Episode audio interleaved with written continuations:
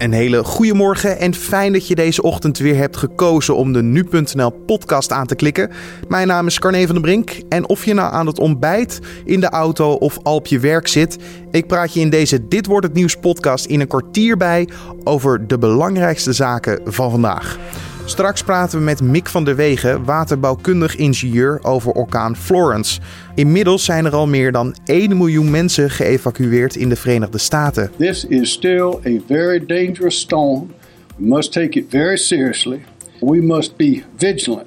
We are in a, a very deadly and important game of chess with Hurricane Florence. En Formule 1-coureur Kimi Räikkönen rijdt volgend seizoen niet meer voor Ferrari. Daarover praten we met Joost Nederpelt, die in Singapore zit vanwege de Grand Prix van dit weekend. Maar eerst kijken we kort naar het belangrijkste nieuws van nu. Het treinverkeer van en naar Rotterdam loopt sinds dinsdagavond zeer stroef. Vanwege een bermbrand langs het spoor rijden er maar een beperkt aantal treinen. Als gevolg van de brand is een drietal bovenleidingen uitgeschakeld en over de oorzaak van de brand is nog niets bekend. Rond half twee meldde de NS dat de treindienst rond Rotterdam Centraal de rest van de dienstregeling last zou blijven hebben van de verstoring. Reizigers worden hierdoor aangeraden om de reisplanner te raadplegen voordat ze aan hun reis beginnen. Zangeres Glennis Grace heeft dinsdagavond een staande ovatie gekregen van de jury van America's Got Talent voor haar optreden in de halve finales. De Nederlandse zong in de live-uitzending van het Amerikaanse programma het nummer This Woman's Work van zanger Maxwell.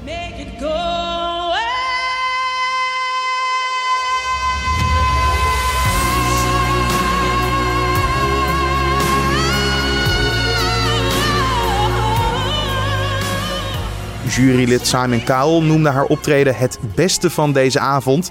Terwijl collega Mel B in eerste instantie niet verder kwam dan yes, yes, yes. Als komende nacht genoeg Amerikanen op Grace hebben gestemd, staat ze op 18 september in de finale van de talentenjacht.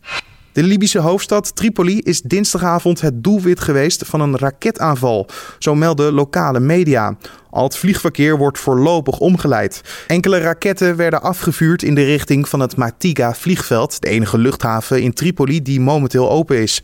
Verschillende explosies werden waargenomen rond het vliegveld, maar het is nog onduidelijk waar de raketten vandaan kwamen en wie ze heeft afgeschoten. Voorlopig zijn er geen slachtoffers gemeld. De Europese Commissie wil in de komende twee jaar een Europees grensagentschap oprichten. 10.000 grensbewakers moeten de randen van Europa in de gaten gaan houden en de migratie beteugelen. Dat is een van de voorstellen die voorzitter van de Europese Commissie, Jean-Claude Juncker, doet in zijn nog vertrouwelijke Staat van de Unie, de jaarlijkse troonrede van de Europese Unie waar op dit moment de Volkskrant in bezit van is. En dan kijken we naar vandaag, woensdag 12 september, oftewel dit wordt het nieuws.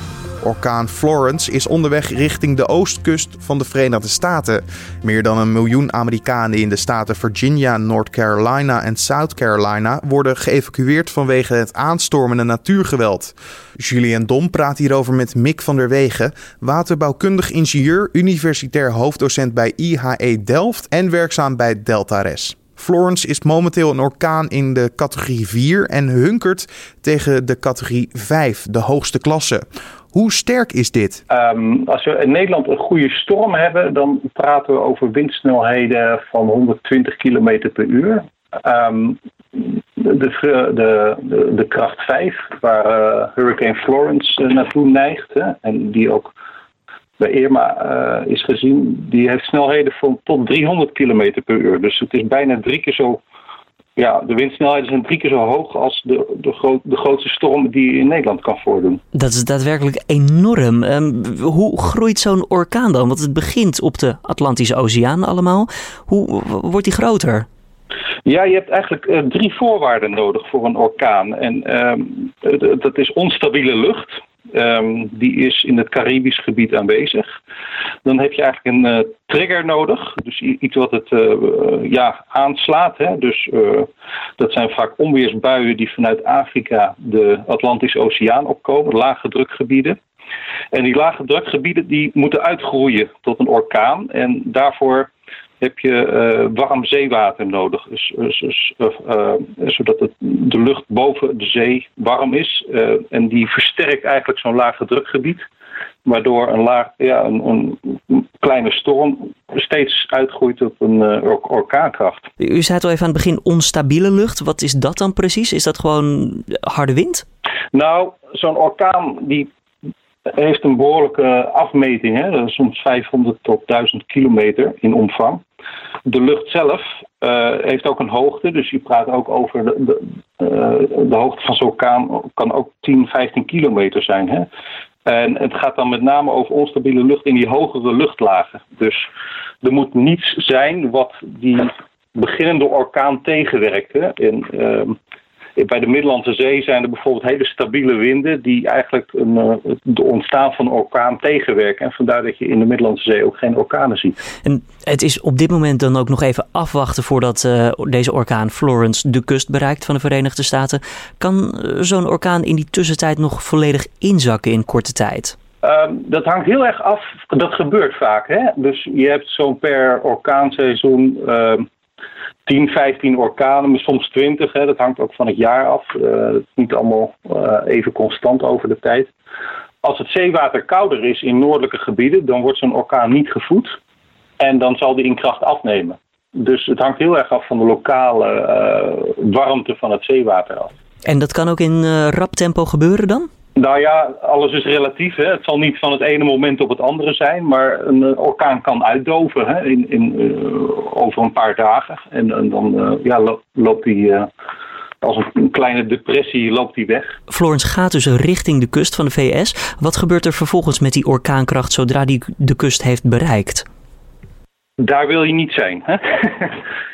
um, de orkaan zelf uh, je kan je voorstellen, boven land uh, heb je geen. De, de, uh, er is andere temperatuur, er is geen warm zeewater dat die uh, orkaan weer kan voeden in energie en die zal langzaam uitdoven. Maar voordat het zover is, slaat hij toe. Hè? En ehm, los van de harde windsnelheden heb je, ik ben een waterbouwkundige ingenieur, heb je een hoop waterdynamiek. dus je hebt enorme regen, regen Um, overstromingen daardoor aan gerelateerd. Uh, de, het, zee, het, zeewater stijgt, hè, soms 1, 2 meter. Um, en je hebt enorme golven door de wind. Uh, en de golven zelf die kunnen natuurlijk uh, ja, behoorlijk tekeer gaan op de kust en op, op dijken en op kleine eilanden. De kust van Carolina bijvoorbeeld, dat is een soort delen die lijken op onze Waddenkust. En wat je daar zal zien is dat die uh, eilanden overstromen. Uh, dat er doorbraken zullen zijn over duinrijen. Uh, en dat er veel laagland daar onder water kan komen te staan. Ja, dus je hebt eigenlijk overstroming door golven, door, door gemiddelde waterstand en, en door regen. Ehm, ik zou daar niet graag zijn. Florence is, ja, we hadden het er al even over, zeker niet de enige orkaan tijdens zo'n seizoen. Uh, er zitten ook andere orkanen aan te komen. Isaac is bijvoorbeeld in ontwikkeling op de Atlantische Oceaan. Betekent dat dat Isaac uh, niet groot kan worden doordat Florence alle energie uit die zee opzuigt? Of hebben die orkanen geen invloed op elkaar? Um, er is zo'n frequentie van eens in de 10 dagen, 15 dagen, uh, dat zo, van 5 tot 15 dagen dat zo'n orkaan kan ontstaan. En, en ze volgen elkaar op. Ik weet eerlijk gezegd niet heel goed of je nou twee kracht 5 hurricanes achter elkaar kan hebben. Want je kan je ook voorstellen dat zo'n uh, zo'n orkaan het, het, het, weerbeeld behoorlijk beïnvloedt en uh, de dingen behoorlijk door elkaar weghaalt. Hè? Maar um, er is een kans. Je praat vaak in termen van kansen. En um, het is wel moeilijk te voorspellen, denk ik, om um, te zeggen of dat ook weer zo'n zware orkaan gaat worden op dit moment. Mick van der Wegen hoorde je, waterbouwkundig ingenieur, universitair hoofddocent bij IHE Delft en werkzaam bij Deltares. Formule 1-coureur Kimi Raikkonen zal volgend jaar niet meer rijden bij Ferrari. Sinds 2001 heeft Raikkonen een plek in de koningsklasse. Al was dat wel met een korte pauze in 2010 en 2011. Maar ook na zijn vertrek bij de Italiaanse renstal komt er geen einde aan Kimi in de Formule 1. Vanaf volgend jaar neemt de Finn namelijk plaats in een auto van het team van Sauber. Julian Dom blikt terug en vooruit op de carrière van de Iceman met Joost Nederpelt, die momenteel in Singapore is vanwege de Grand Prix van dit weekend. Uh, ja, het, was even de vraag of, of Rijkonen niet nog een, een, jaar mocht blijven bij Ferrari, want zijn prestaties zijn best uh, oké. Alleen, uh, ja, het lijkt een beetje alsof Ferrari de, de wens inwilligt van de onlangs overleden president Sergio Marchionne, die groot fan was van, van Leclerc, Charles Leclerc, de opvolger van, van Rijkonen, jeugdtalent. En die, ja, die wordt nu dus toch nog in de auto gezet en opvallende move. En, en, maar ja, dat, was wel, dat lag in de lijn der verwachting dat dat zou gebeuren. Dus helemaal als een verrassing voor Rijkonen zal het niet komen. En zeker waren er wel wat indicaties de laatste tijd dat, dat ja, ook wel wat minder zich opofferde voor Sebastian Vettel, de, de kopman natuurlijk van Ferrari. Uh, en er waren ook wel veel emoties rondom zijn pole position in, uh, tijdens de laatste race natuurlijk in Monza, de Italiaanse Grand Prix. Dus uh, ja, het, het, leek wel een beetje in de lucht hangen dat hij, dat hij het plekje kwijt zou raken. Ja, is het dan voor Rijkonen een stap terug uiteindelijk als hij naar Sauber verplaatst? Uh, ja, dan moet je een beetje kijken naar het karakter van, van Kimi Räikkönen. Het is uh, qua prestaties uh, hoe dan ook een stap terug. Al, later wil ik nog wel iets over zeggen over Sauber. Maar het is wel zo dat uh, Räikkönen is echt een racer. En die houdt helemaal niet van alle poeha en media optredens en PR-momenten eromheen. Dat Vandaar natuurlijk ook zijn nickname The Iceman. Nou ja, eh, inderdaad, hij is natuurlijk niet echt eh, een gezellige gozer. Dat kunnen we wel zeggen. En daar heeft hij bij Sauber gewoon een stuk minder last van. hij zal bij Sauber echt eh, veel minder... ja, bedoel, bij Ferrari heb ik hem afgelopen jaar echt veel, veel in filmpjes gezien van sponsors en zo. En daar, heeft hij gewoon helemaal geen zin in. En daardoor komt hij ook altijd een beetje norsig over natuurlijk. Terwijl hij schijnt privé best wel, best wel leuke een leuke vent te zijn, hoor je dan van, van mensen die veel met hem omgegaan zijn.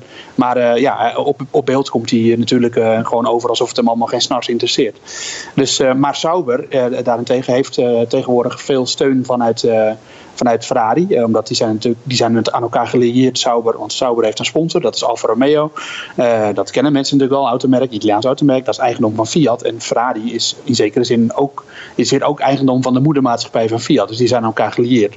En um, Ferrari helpt eigenlijk Sauber nu weer uh, een beetje uit de krochten van de, van de Formule 1. Uh, en dat is dit jaar al heel erg gelukt. Want, want Sauber scoort in en weer punten. En dan gaat veel technisch personeel stapte wel over van Ferrari naar Sauber. Die, die gaan daar aan de slag om die auto beter te maken. Al met al, er liggen dan wel kansen dus voor Rijkonen. Het is een auto uh, tegenwoordig waarmee je punten kan scoren. Ja, dat was de afgelopen jaren niet zo. Maar, uh, maar en, en die rol van Rijkonen daarin is natuurlijk heel belangrijk. Want als je een team aan het opzetten bent en je wil een auto echt sneller maken, wat heb je dan nodig? Een coureur met ervaring. Nou, dat, dat heeft Rijkonen. Dus uh, daar, daar hebben ze op zich een goede aan. En, en Rijkonen is een nonsens coureur die niet te veel in de schijnwerper staat. Nou, dan is Sauber een betere plek eigenlijk dan Ferrari. Je hebt alleen een iets minder auto, dat is het nadeel.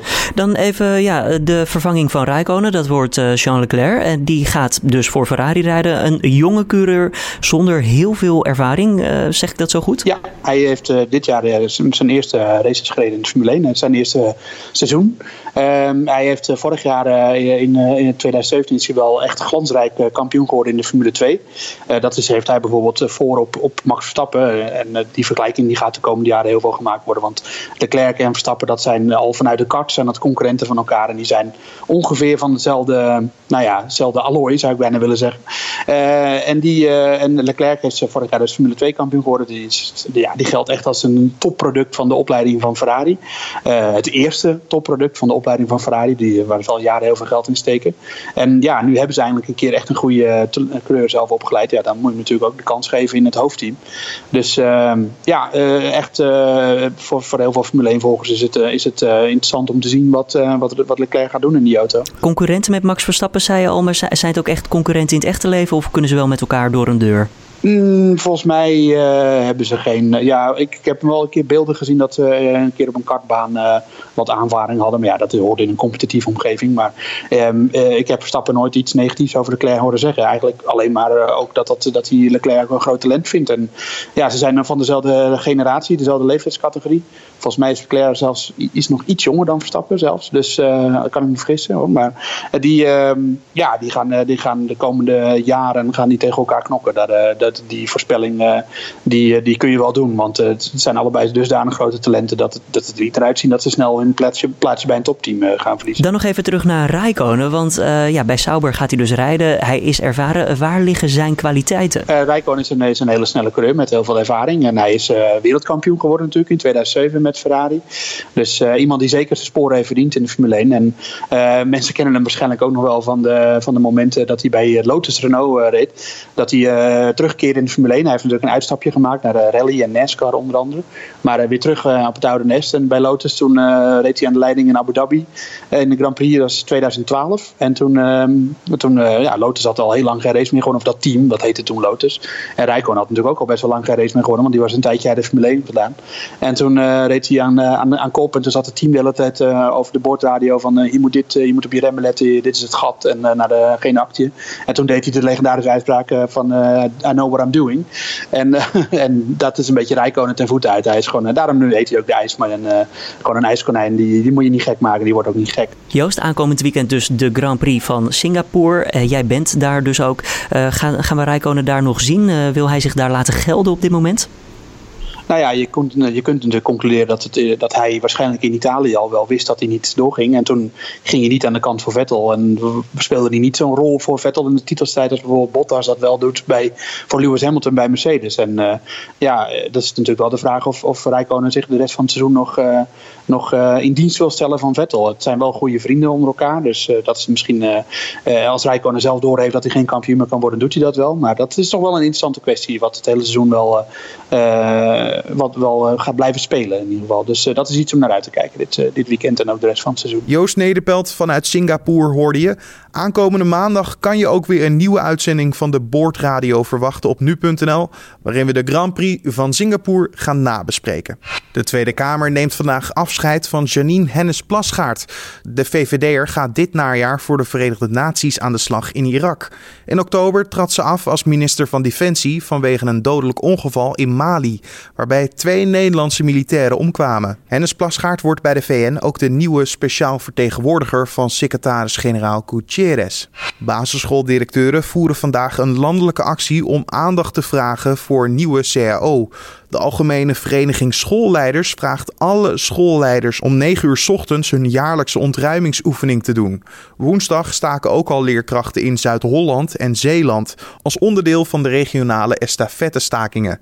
En dit zal ook niet de laatste actie zijn, want de directeuren in het basisonderwijs gaan maandelijks actie voeren voor meer salaris. En dan nog even het weer. Het wordt vandaag een grauwe dag met veel bewolking en regen. Alleen in het zuidoosten blijft het tot in de avond droog. In de gebieden waar het regent zal de temperatuur vandaag rond de 17 graden komen te liggen. En op de valreep nog even dit. Een opname uit 1963 van David Bowie heeft op een veiling bijna 40.000 pond opgebracht. Dat is zo'n ruim 44.000 euro. Het gaat om een demo van 18 minuten van het bandje The Comrades. De toenmalige drummer van de band, David Hatfield, had de tape ter veiling aangeboden. Het veilinghuis had eigenlijk gedacht dat de opname ongeveer 10.000 pond zou opleveren. De toen 16-jarige Bowie is te horen met het nummer I Never Dreamed. En ik kan je een klein stukje laten horen.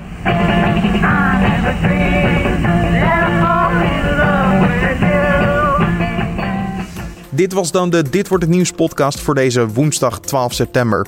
Je vindt de Dit wordt het nieuws podcast natuurlijk elke maandag tot en met vrijdag om 6 uur ochtends op de voorpagina van nu.nl of via je desbetreffende podcast app zoals iTunes, Spotify of Podcast. Je kan ons laten weten wat je van deze podcast vond. Dat kan je doen via een mailtje naar redactie.nu.nl of natuurlijk altijd een recensie in iTunes. Mijn naam is Carne van de Brink en voor nu een fijne woensdag en natuurlijk tot morgen.